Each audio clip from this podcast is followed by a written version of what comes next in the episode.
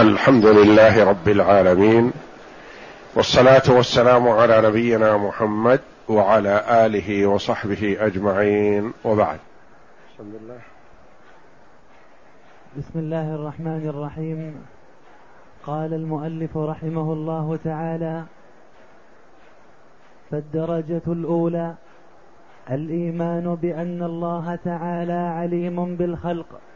وهم عاملون بعلمه القديم الذي هو موصوف به أزلا وأبدا وعلم جميع أحوالهم من الطاعات والمعاصي والأرزاق والآجال. ثم كتب الله في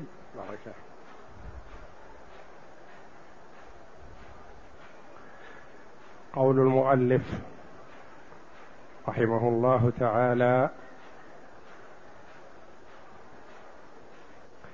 وتؤمن الفرقة الناجية من أهل السنة والجماعة بالقدر خيره وشره والإيمان بالقدر على درجتين.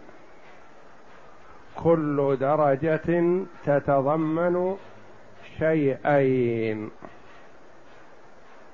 فالدرجة الأولى التي قال عنها المؤلف رحمه الله تعالى فالدرجة الأولى الإيمان بأن الله تعالى عليم بالخلق وهم عاملون بعلمه القديم الذي هو موصوف به ازلا وابدا. وعلم جميع أحوالهم من الطاعات والمعاصي والأرزاق والآجال.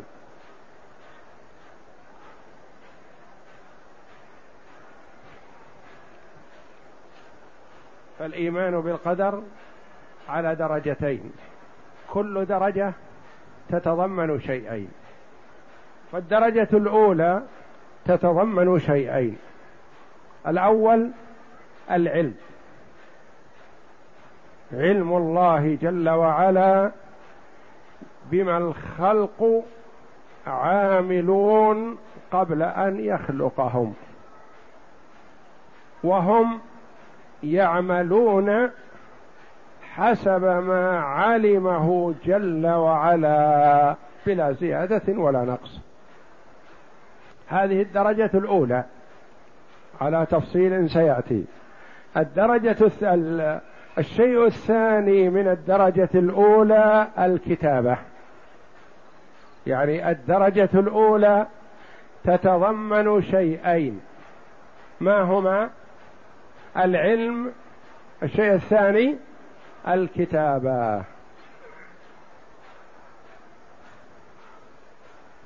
العلم أن الله جل وعلا عالم بما الخلق سيعملون قبل أن يخلقهم.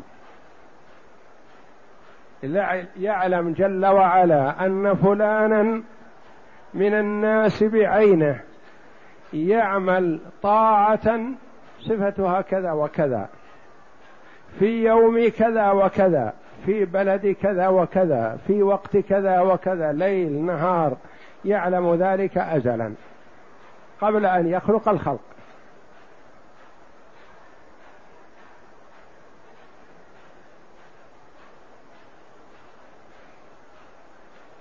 بعلمه القديم القديم يطلق على شيئين. قديم ازلا. لا ينتهي إلى بداية. يعني ما يكون قبله شيء خلافه ثم جاء. قديم ازلا. ويطلق القديم على ما كان أول هذا الشيء. شيء وهذا قبله. مثل ما تقول هذا تمر قديم. هذا حب قديم. هذا درهم قديم. كالعرجون القديم. العرجون القديم قنا النخلة. إذا خرج الجديد قيل لهذا الذي أسفل منه منحني ضعيف هذا عرجون قديم. قديم كمله قد يكون ما كمل سنة. يعتبر قديم لأنه خرج القنو الجديد. فالقدم يطلق على ما كان قبل هذا الشيء يقال قديم. هذا ثوب قديم. لبسته مثلا يوم الجمعة الماضي ولبست ثوب بعده يوم الاثنين مثلا تقول هذا الثوب قديم يعني ملبوس يوم الجمعة. فقديم بمعنى أنه يلي هذا الشيء يعني قبله. وقديم بمعنى أنه في الأزل ما له حد.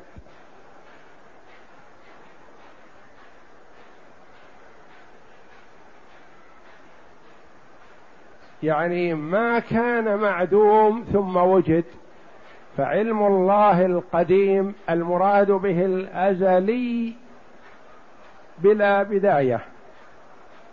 ما يقال أنه مثلا قبل ألف ألف ألف ألف سنة مثلا كان مثلا الشيء معدوم هذا العلم غير موجود ثم وجد. لأن علم الله جل وعلا أزلي. فعلمه بالخلق جل وعلا أزلي. وكتب مقادير الخلق كما سيأتينا. الكتابة هي التي كانت قبل أن يخلق الخلق بخمسين ألف سنة. الكتابة. وأما العلم فهو قبل هذا ولا وليس له بداية. يعني ما سبقه جهل حتى يقال وجد العلم بخلاف علم المخلوق فهو سبقه عدم. ثم وجد ثم بدأ يضمحل.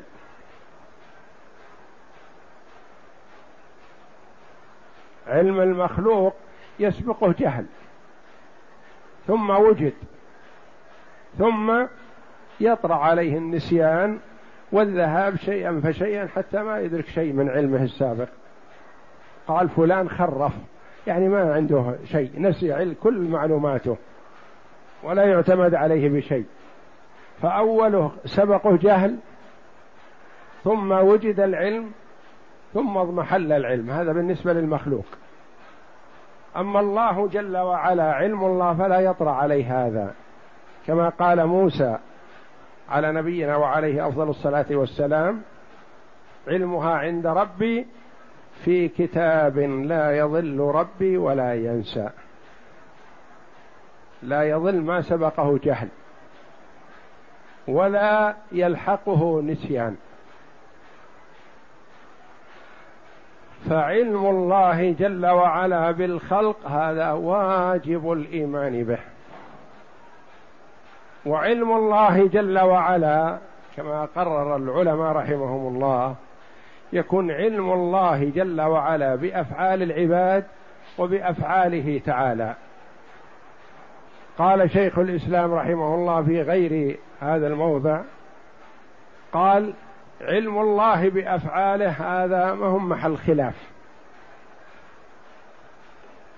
ألا يعلم من خلق وهو اللطيف الخبير؟ يعني علم الله بأفعاله هو. هذا ما هم محل خلاف ولا خالف في أحد. ما قال أحد ممن ينتسب إلى الإسلام أو الإيمان بالله جل وعلا بأن الله جل وعلا لا يعلم ما فعله أو سيفعله. وإنما الخلاف بين أهل السنة ومن ناوأهم في علم الله جل وعلا بأفعال العباد. أهل السنة والجماعة يقولون الله جل وعلا عليم بأفعال العباد قبل أن يخلقهم. بعض الطوائف المبتدعة يقولون الله جل وعلا لا يعلم ما العبد عامل حتى يعمل. تعالى الله. يقول لا يدري ولا يعلم ما سيعمل هذا العبد. خلق هذا العبد ولا يدري ماذا سيعمل حتى يعمل.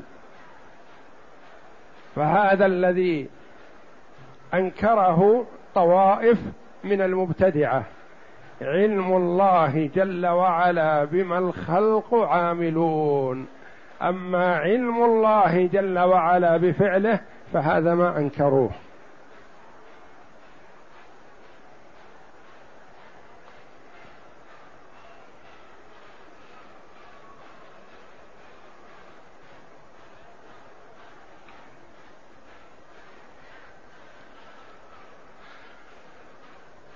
فالدرجة الأولى من درجات الإيمان بالقدر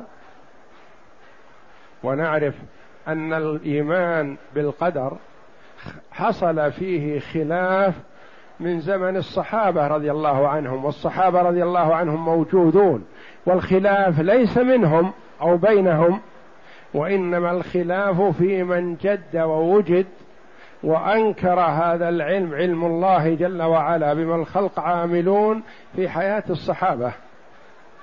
يعني بدعة إنكار علم الله جل وعلا وجدت في عصر الصحابة فهي من أقدم البدع.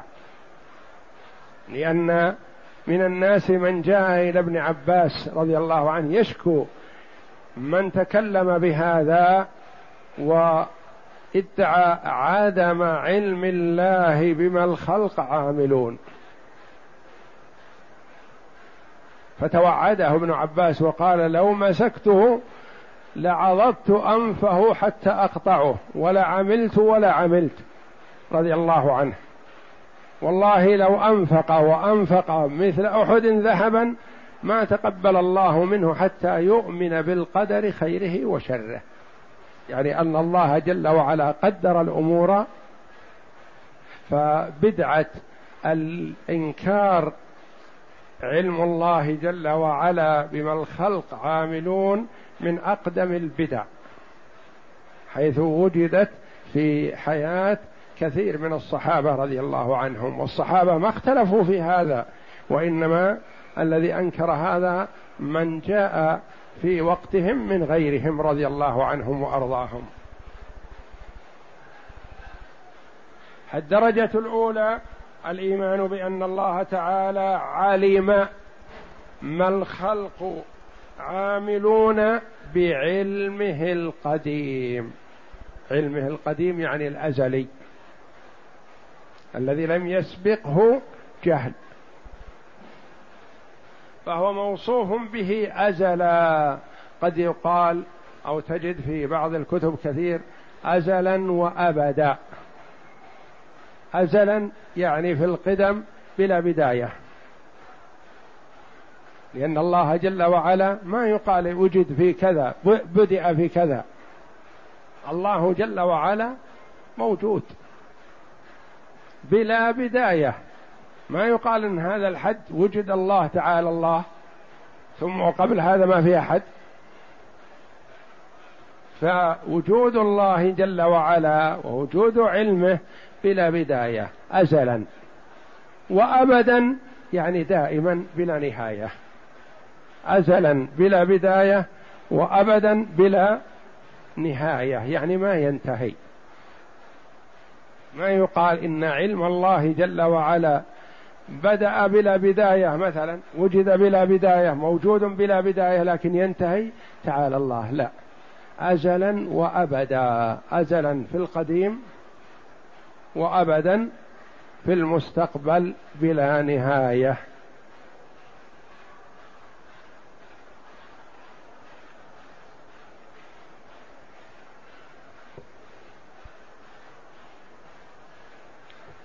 فالله تعالى موصوف بأنه عالم بما الخلق عاملون بعلمه. يعني علمه جل وعلا محيط بما الخلق عاملون. ازلا يعلم جل وعلا أن فلانا من الناس يعمل كذا وكذا في وقت كذا في زمن كذا في سن كذا إلى آخره. والله جل وعلا أخبر عن ذلك بقوله جل وعلا والله بكل شيء عليم وقال إن الله كان بكل شيء عليما وقال ربنا وسعت كل شيء رحمة وعلما يعني أحاط علمك بكل شيء. وقال لتعلموا أن الله على كل شيء قدير وأن الله قد أحاط بكل شيء علما. والآيات في إثبات علم الله جل وعلا كثيرة في القرآن. ولا تخلو منها غالبا.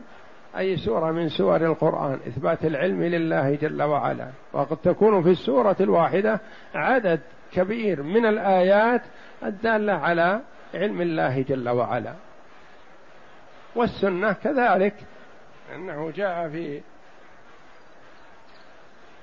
أن النبي صلى الله عليه وسلم أخبر أن الله جل وعلا كتب مقادير الخلق قبل أن يخلق السماوات والأرض بخمسين ألف سنة في الحديث الصحيح. ولا يقال قائل مثلا هذا خمسين ألف سنة يعني كثرة فقط. قبل أن يخلق الخلق بخمسين ألف سنة عددا وإحصاء. يعني كتب هذا وإلا في العلم قبله. وبأن ما أصاب الإنسان لم يكن ليخطئه وما أخطأه لم يكن ليصيبه وأن الأقلام قد جفت وطويت الصحف.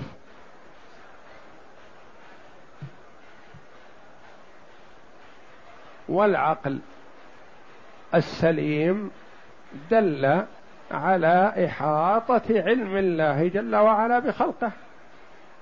ما يليق أن يكون خلقهم ولا يعلم عنهم تعالى. والله جل وعلا أنكر على من أنكر ذلك فقال ألا يعلم من خلق وهو اللطيف الخبير. خلق الشيء ولا يعلمه تعالى وتقدس ما يليق.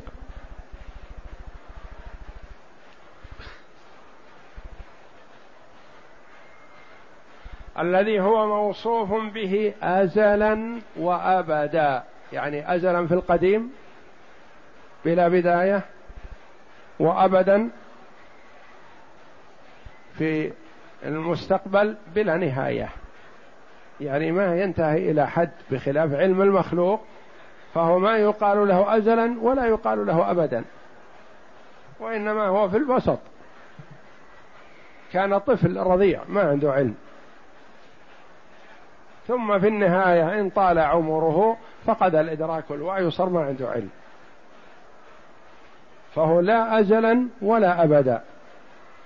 وعلم الله جل وعلا أزلا وأبدا. في كتاب لا يضل ربي ولا ينسى.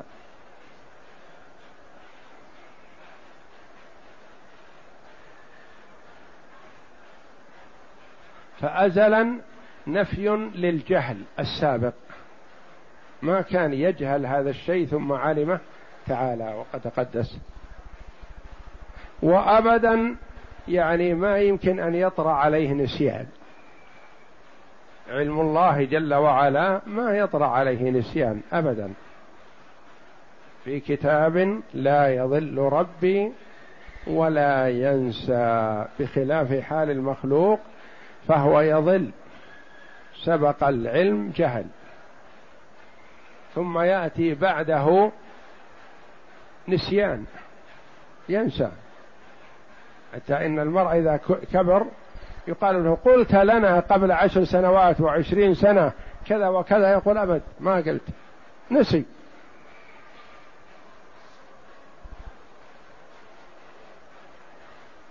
ولهذا كان علم الله عز وجل غير مسبوق بجهل ولا ملحوق بنسيان.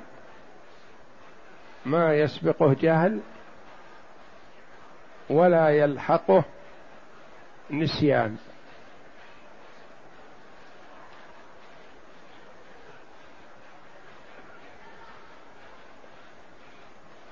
فيجب علينا أن نؤمن بإحاطة علم الله جل وعلا بكل شيء. ومن ذلك أعمال العباد. وليس المراد حين عملوها وإنما قبل أن يعملوها. قبل أن يخلق السماوات والأرض بخمسين ألف سنة الله جل وعلا يعلم ما كان كل واحد منا يعلم يعمل في هذا اليوم. نحن عملنا أعمال في هذا اليوم الله جل وعلا يعلمها قبل أن يخلق السماوات والأرض متى خلق السماوات والأرض؟ من آلاف السنين. محمد صلى الله عليه وسلم بعثته من أمارات الساعة يعني في آخر الزمن في آخر الدنيا.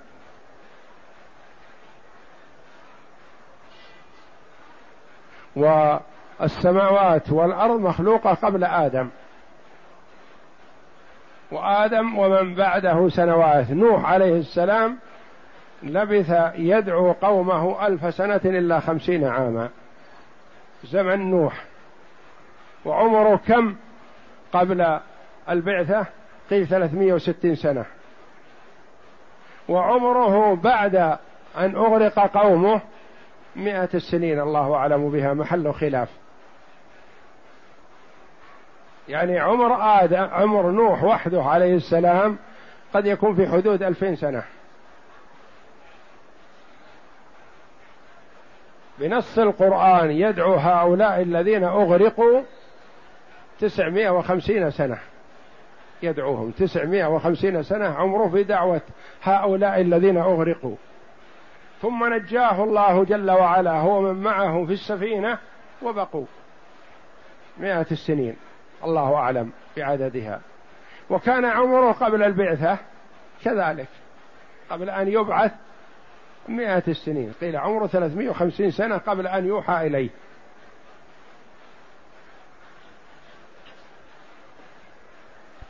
يذكر بعض المشايخ رحمة الله عليهم يقول إنه إن رجلا مر بامرأة تبكي عند قبر فقال ما لك يا أمة الله؟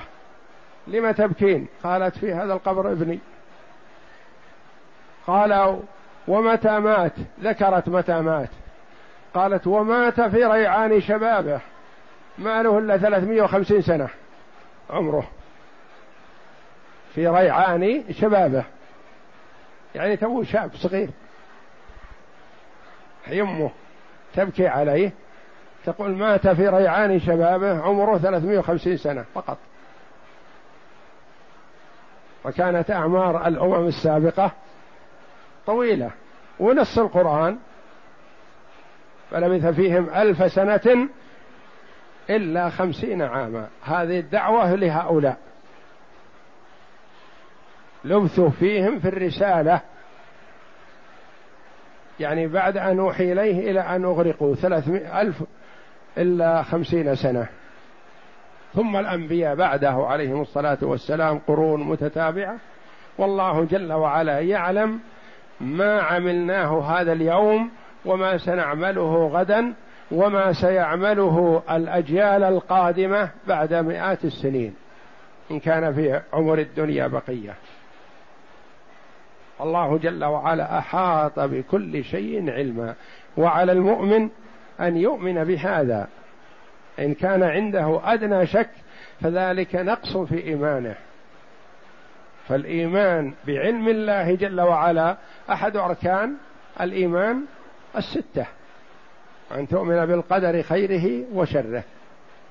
القدر يعني أن الله قدر الأشياء قبل أن يخلق الخلق.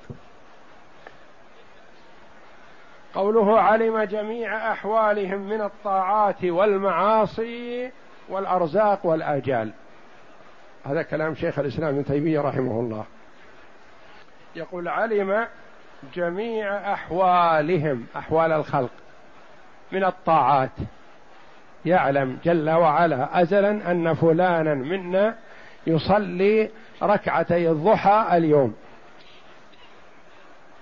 وفلان من عادته يصلي ركعتي الضحى وغدا ما يصلي. يعلم هذا جل وعلا منذ آلاف آلاف السنين. من الطاعات والمعاصي. يعلم جل وعلا من اقترف منا معصية في هذا اليوم. يعلمها أزلا أن فلانا يقترف معصية في هذا اليوم.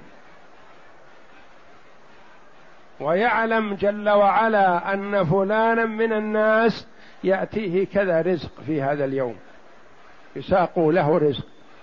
ومن الناس من يحرم رزقا في هذا اليوم. وفي الأيام التي التالية وغير ذلك. والمعاصي والأرزاق والآجال يعلم جل وعلا أجل كل واحد منا ومتى سيكون في ليل أو نهار. لا يتقدم ساعة ولا يتأخر ساعة وهذا مما استأثر الله به. لا يعلمه غيره. حتى ملك الموت الموكل بقبض أرواح العباد ما يعلم حتى يعلمه الله جل وعلا.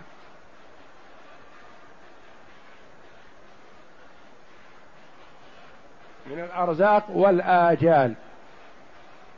يعلم جل وعلا علما أزلي بأن فلانا هذا يموت بصعق كهربائي يوم كذا. وهذا يموت بغرق. وهذا يموت بقتل ببندقية. وهذا يموت بالسقوط من أعلى لأسفل. وهذا كذا وهذا كذا. وهذا يموت على يد فلان. وهذا يموت بدون سبب. وهذا يموت وهو ساجد وهذا يموت وهو يمشي. يعلم جل وعلا هذا ازلا يعني ما يكون شيء استجد في علم الله جل وعلا.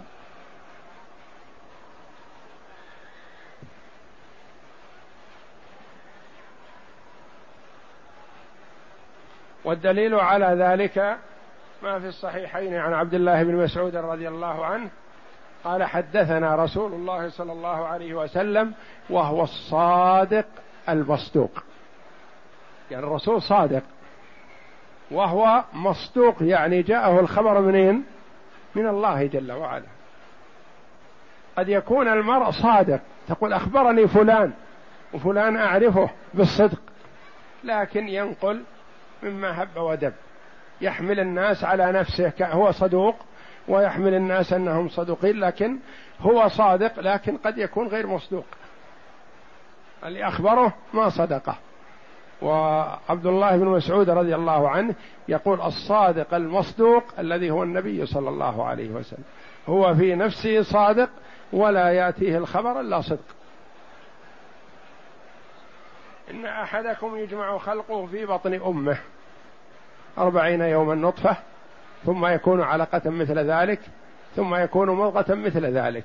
مئة وعشرين يوم في بطن أمه وهو لا روح فيه ولا حياة.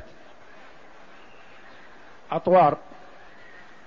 ثم يرسل إليه الملك فينفخ فيه الروح يكون حي. يحترك يبدأ احتراكه في بطن أمه يكون فيه روح. في هذه الحال لو سقط من بطن أمه بعد أن ينفخ فيه الروح يكون حكم حكم الأموات. يغسل ويصلى عليه ويدفن في مقابر المسلمين حتى لو كان كبر نصف الكف. يكون مثلا مثل هذا السقط بعض الناس يجهل ما يبالي مثل هذا ما دام احترق في بطن أمه ثم سقط فيجب أن يغسل ويصلى عليه ويدفن في مقابر المسلمين حتى لو كان قدر نصف الكف. فيوضع مثلا في فوق خشبة صغيرة حتى يمكن حمله أو كرتون أو نحو ذلك قطعة تقيه ويحمل ويوضع أمام الإمام وإن كان بقدر الكف أو أقل. ويصلى عليه ويدفن في مقابر المسلمين لأنه نفس. نفخ فيه الروح. وهذه قد يغفل عنها كثير من الناس. يعني الأم مثلا شعرت بنفخ الروح فيه احترك وتعرف أن حملها يزيد عن 120 يوما. ثم قد يسقط ميت ما في حراك الآن سقط ميت. فبعض الناس جهلا والأمهات والقابلات ترميه في الزبالة. وهذا ما يجوز. ما دام أنه نفخ فيه الروح ترك في بطن أمه فهو نفس مثل ابن سبعين سنة وثمانين سنة ومئة سنة. هذا يبعث يوم القيامة.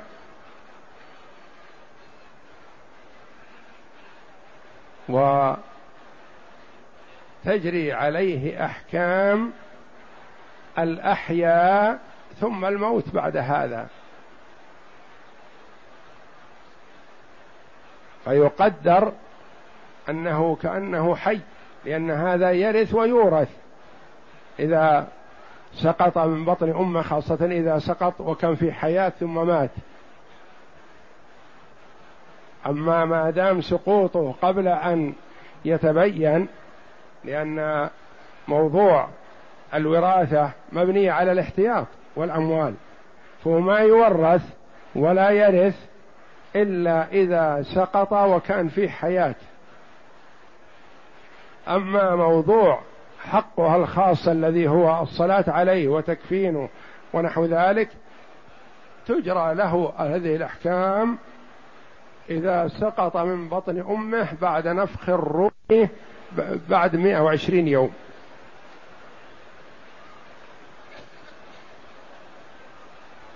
يرسل إليه الملك فينفخ فيه الروح. ويؤمر بأربع كلمات. هذا كتابة بكتب رزقه وأجله وعمله. وهل هو شقي أو سعيد؟ ما يكتب شقي أو سعيد. يكتب هل هو شق يكتب شقي. مثلا يكتب سعيد. لأن الله جل وعلا ما عنده شك. حنا ما ندري عنه. هذا مثلا مولود ما ندري عنه. هو ينبت نباتا حسن أو يكون شقي. وحتى الرجل الصالح في حال الحياة ما ندري ما يختم له. والرجل الشقي في حال الحياة ما ندري ما يختم له. والله جل وعلا يعلم ذلك. فسحرة فرعون يقولون بعزة فرعون إنا لنحن الغالبون. لأن موعدهم مع موسى كان ضحى. ضحى. يحلفون بعزة فرعون إنا لنحن الغالبون. وأخبر عنهم النبي صلى الله عليه وسلم أنهم في المساء يتقلبون في أنهار الجنة شهداء. من يقول إن سحرة فرعون وهم يحلفون بعزة فرعون أنهم يكونون من أهل الجنة؟ ما حد يعلم عن هذا إلا الله سبحانه وتعالى. فهو يعلم أنهم سعداء وهم في أرحام أمهاتهم وهم يتابعون فرعون ويلحقونه ويطلبون منه زيادة الأجر. يقول ما نبرز مع موسى حتى تزيدنا في الأجور. قال أزيدكم وقربكم أجعلكم من الحاشية ممن حولي. عليكم بموسى. فلحظات قالوا آمنا برب موسى وهارون. وسجدوا لله فقام فرعون اللعين وقتلهم وصلبهم في جذوع النخل. فهم يتقلبون في أنهار الجنة شهداء. من يعلم هذا لا يعلمه إلا الله جل وعلا. والله جل وعلا يعلم هذا ازلا ويعلمه حينما أرسل الملك إليهم في أرحام أمهاتهم فيكتبوا سعيد. مكتوب سعيد وهو من سحرة فرعون. يعبد فرعون ويسجد له. لكن الله جل وعلا يعلم أنه يختم لهم بالسعادة.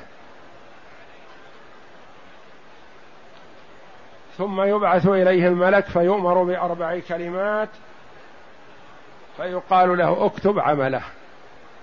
قد يكون عمله كفر وضلال و و و إلى آخره حتى يبلغ ستين سنة حتى يبلغ ثمانين سنة ثم في آخرها يكون سعيد. يكتب عمله كل عمله مكتوب. من الضلال والكفر والغواية والفجور وجميع الأعمال السيئة وفي النهاية سعيد. وقد يكون والعياذ بالله العكس. يكون عمله في ظاهره الصلاح ثم في آخر حياته ينحرف والعياذ بالله عن الصراط المستقيم. فيكتب له الشقاوة والعياذ بالله. يفتتن. ولهذا أمرنا النبي صلى الله عليه وسلم أن نستعيذ بالله جل وعلا من عذاب القبر من عذاب النار وعذاب القبر ومن فتنة المحيا والممات. فتنة المحيا والممات. فتنة الحياة والفتنة عند الموت.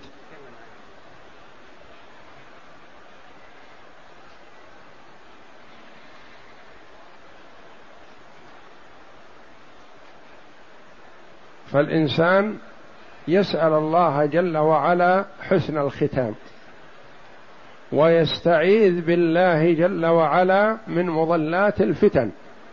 وإلا كل واحد مثلا في هذه الدنيا يعيش في أهل ومال هو في فتنة وإنما الخطر من المضلات. وأما من حيث وجود الفتنة فالمال فتنة والزوجة فتنة والولد فتنة وهكذا. إنما أموالكم وأولادكم فتنة والله عنده أجر عظيم. إنما حصر يعني جميعهم فتنة. لكن ما يقال إنهم عدو بعضهم عدو. إن من أزواجكم وأولادكم عدوا لكم فاحذروهم. العداوة بعضهم والفتنة كلهم. لكن قد يفتتن المرء في شيء ما فيأخذ الدرجة العالية. لأن الفتنة الامتحان والابتلاء. يمتحن فيأخذ مئة في المئة. ويمتحن ويأخذ صفر والعياذ بالله.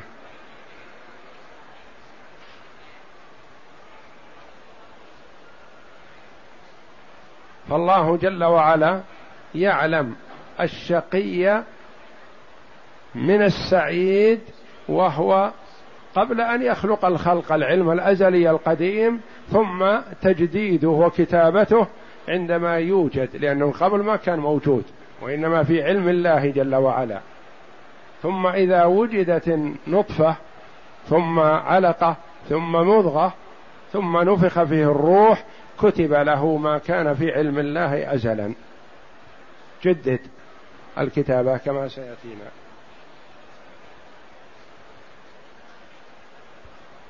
فالله جل وعلا عالم بما الخلق عاملون قبل أن يخلقهم. جاء أحد الصحابة إلى النبي صلى الله عليه وسلم فقال يا رسول الله بين لنا أمرنا كأننا وجدنا الآن. هل العمل في شيء جرى في علم الله جل وعلا أم الأمر أنف؟ قال بل هو كما في علم الله جل وعلا. قال إذن ففيما العمل؟ ما دام إن كل واحد معلوم عند الله جل وعلا أن هذا سعيد من أهل الجنة وهذا شقي من أهل النار لما نعمل؟ ألا نتكل على ذاك؟ قال عليه الصلاة والسلام اعملوا فكل ميسر لما خلق له. هل يصح أن نقول للرجل صل؟ يقول لا أنا في علم الله شقي من اصلي ما يدريك أنك في علم الله شقي. افعل الأسباب وقم بطاعة الله وامتثل الأمر واجتنب النهي ولا تقل أنا شقي. أو الآخر مثلا نقول له صل يقول لا أنا ما أصلي الحين. سبعين ثمانين سنة ما أصلي أنا في علم الله إن شاء الله سعيد قبل أموت بشهر أو أسبوع أو يوم أو ساعة أؤمن بالله وأكون من أهل الجنة. وما يدريك.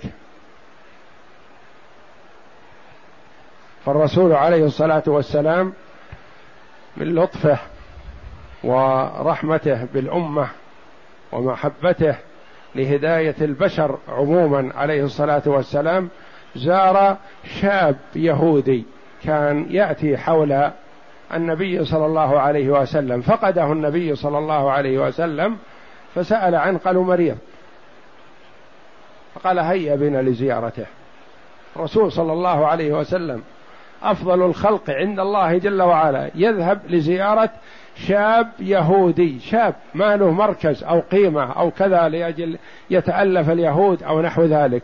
شاب يهودي. فيزوره عليه الصلاة والسلام. رأى كأنه قرب أجله.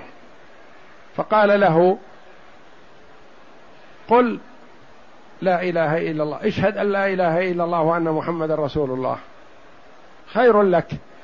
فرفع الشاب طرفه إلى أبيه وكان عند رأسه كالمستشير له. فقال أطع أبا القاسم. يعرف الأب بأن طاعة أبي القاسم محمد صلى الله عليه وسلم سعادة للولد والولد مروح. بين عليه. فقال أشهد أن لا إله إلا الله وأشهد أن محمدا رسول الله. ثم بعد هذا بلحظات خرجت روحه. فقال النبي صلى الله عليه وسلم جهزوا أخاكم. ما يتولونها اليهود الآن مسلم من المسلمين. وقال الحمد لله الذي أنقذه من النار بي أو كما قال صلى الله عليه وسلم. في آخر لحظة ظهرت له ظهر له ما في علم الله جل وعلا من السعادة.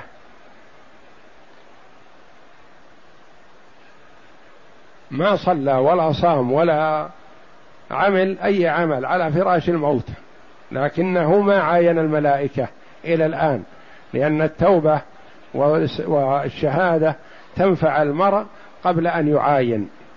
فإذا عاين ملك الموت حينئذ لا ينفع نفسا إيمانها لم تكن آمنت من قبل أو كسبت في إيمانها خيرا.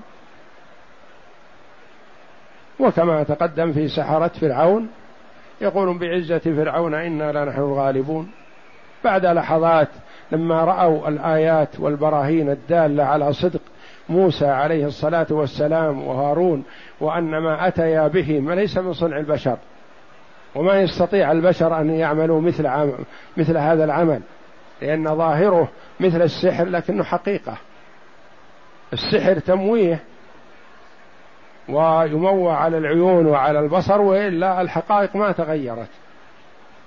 لكن فعل عصا موسى حقيقة ابتلعت كل ما في الوادي من الحبال والعصي والأخشاب والاشياء الزئبق وغيرها المتحركة والتي يتراءى للناس أنها تخترش وتركض تبتلعها عصا موسى وتأتي وتقف بجوار موسى.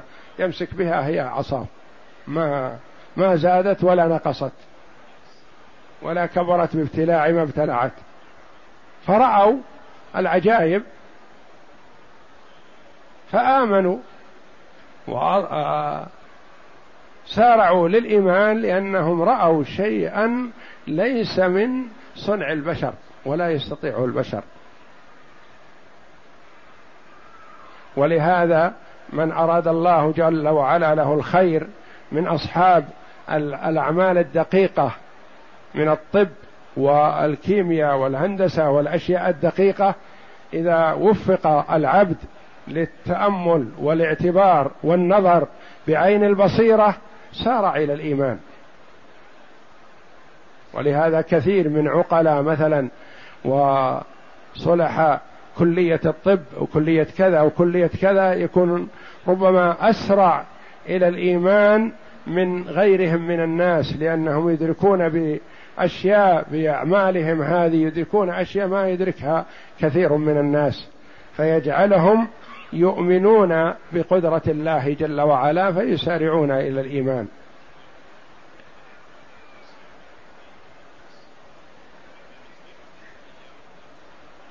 إذا فعلينا الإيمان بأن طاعتنا ومعصيتنا ورزقنا وآجالنا وسائر أعمالنا معلوم لله جل وعلا أزلا ومعلوم لله جل وعلا أبدا ازلا في القديم وابدا في الاستمرار بلا نهاية.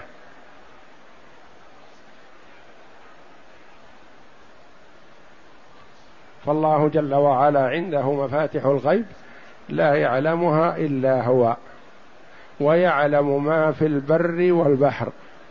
وما تسقط من ورقة إلا يعلمها ولا حبة في ظلمات الأرض ولا رطب ولا يابس إلا في كتاب مبين. الله أكبر. الأشجار اللي في الشوارع هذه الورقة اللي بقدر البصمة الأصبع وأقل من هذا يعلم الله جل وعلا ازلا متى تسقط. قبل أن تكون موجودة. وعنده مفاتح الغيب لا يعلمها إلا هو ويعلم ما في البر والبحر. تأمل هذه الآية الكريمة. ما في البر والبحر وما تسقط من ورقة إلا يعلمها. يعلمها ازلا. ما هو عند سقوطها. ولا حبة في ظلمات الأرض. افرض حبة في الأرض السابعة. ما يصل إليها الاطلاع ولا الأنظار. والحبة قد تكون ما ترى إلا بالمجهر. يعلمها جل وعلا. ولا حبة في ظلمات الأرض ولا رطب ولا يابس إلا في كتاب مبين.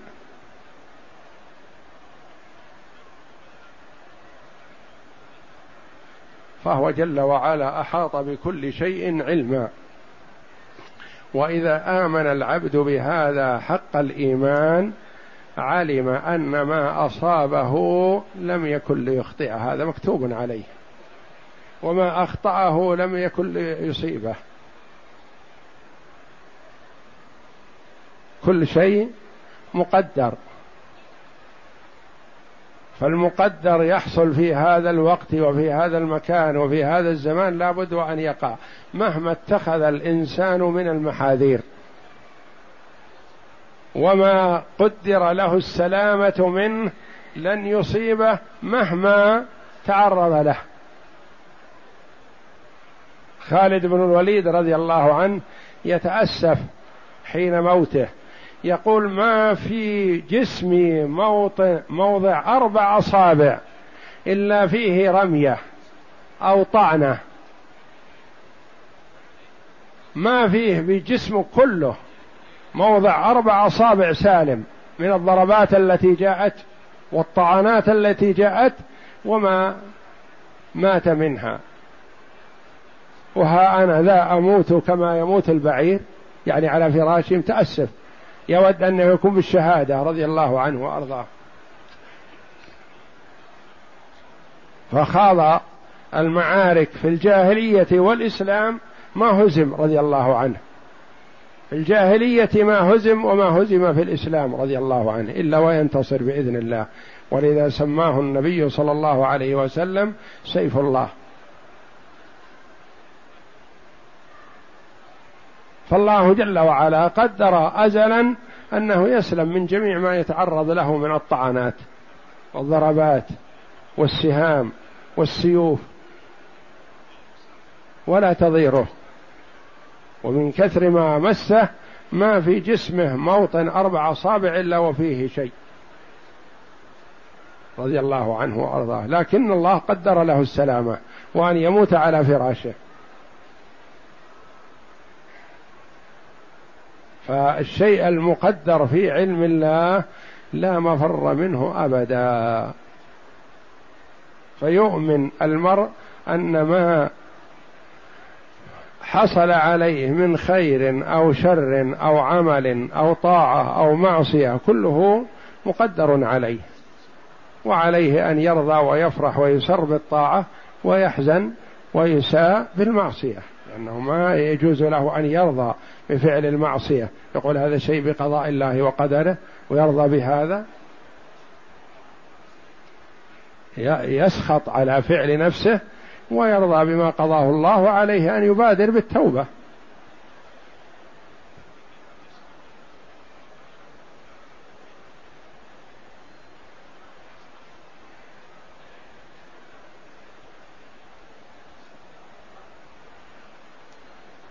ثم الدرجة الثانية ستأتي إن شاء الله اللي هي درجة الكتابة. ثم كتب الله في اللوح المحفوظ مقادير الخلق أحاط بها علما ثم كتبها. والكتابة متأخرة لأن الكتابة علم الله جل وعلا ما سبقه جهل. والكتابة ما كانت مكتوبة من قبل. أول ما خلق الله القلم كما سيأتينا قال له اكتب. فكان القلم قبل ما هو مخلوق وما كتب شيء الكتابة لكن العلم موجود. والدرجة الأولى العلم ثم الدرجة الثانية الكتابة. بعد أن لم يكن مكتوب كتب في اللوح المحفوظ.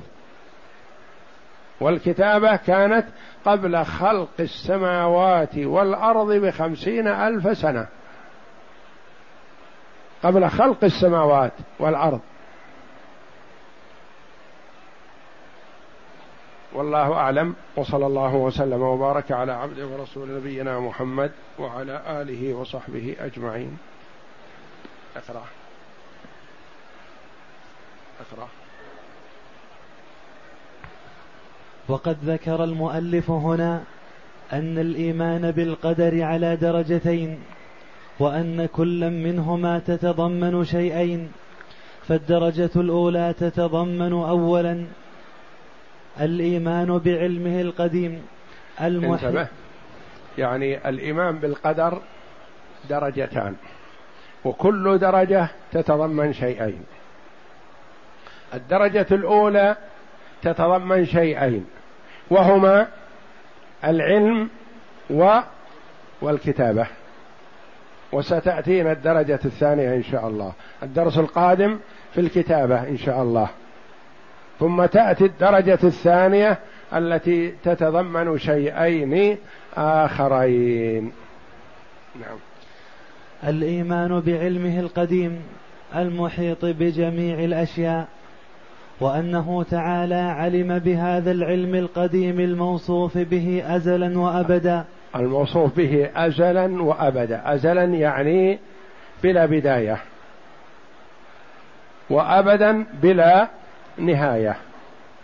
ما يقال ابتدأ علم الله جل وعلا بالخلق من مدة ألف ألف ألف ألف سنة. كرر ما شئت. ما يصح. لأن الله لأن علم الله جل وعلا ما سبقه جهل أبدا. نعم. كل وقلنا بعد قبل كذا من سنة كان إقرار منا على أن قبل هذه المدة التي نحددها مهما حددناها بآلاف السنين يكون فيه جهل. تعالى الله عن ذلك. يعني وجد هذا قبل ألف ألف ألف سنة واللي قبل هذا يعني معنى يكون جهل. تعالى الله.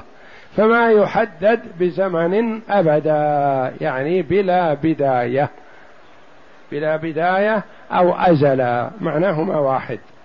نعم. كل ما سيعمله الخلق فيما لا يزال وعلم به وعلم به جميع أحوالهم من الطاعات والمعاصي والأرزاق والآجال. فكل ما يوجد من أعيان وأوصاف ويقع من أفعال وأحداث فهو مطابق لما علمه الله عز وجل أزلا. يعني ما ما يمكن أن يجي شيء يخالف ما في علم الله. علم الله أن هذا يبلغ عمره خمسة عشر سنة ومات مثلا وعمره اثنى عشر سنة. لا أبدا. ما يحدث شيء بخلاف ما علمه الله جل وعلا أزلا. ثانيا أن الله كتب ذلك وهذا سيأتي إن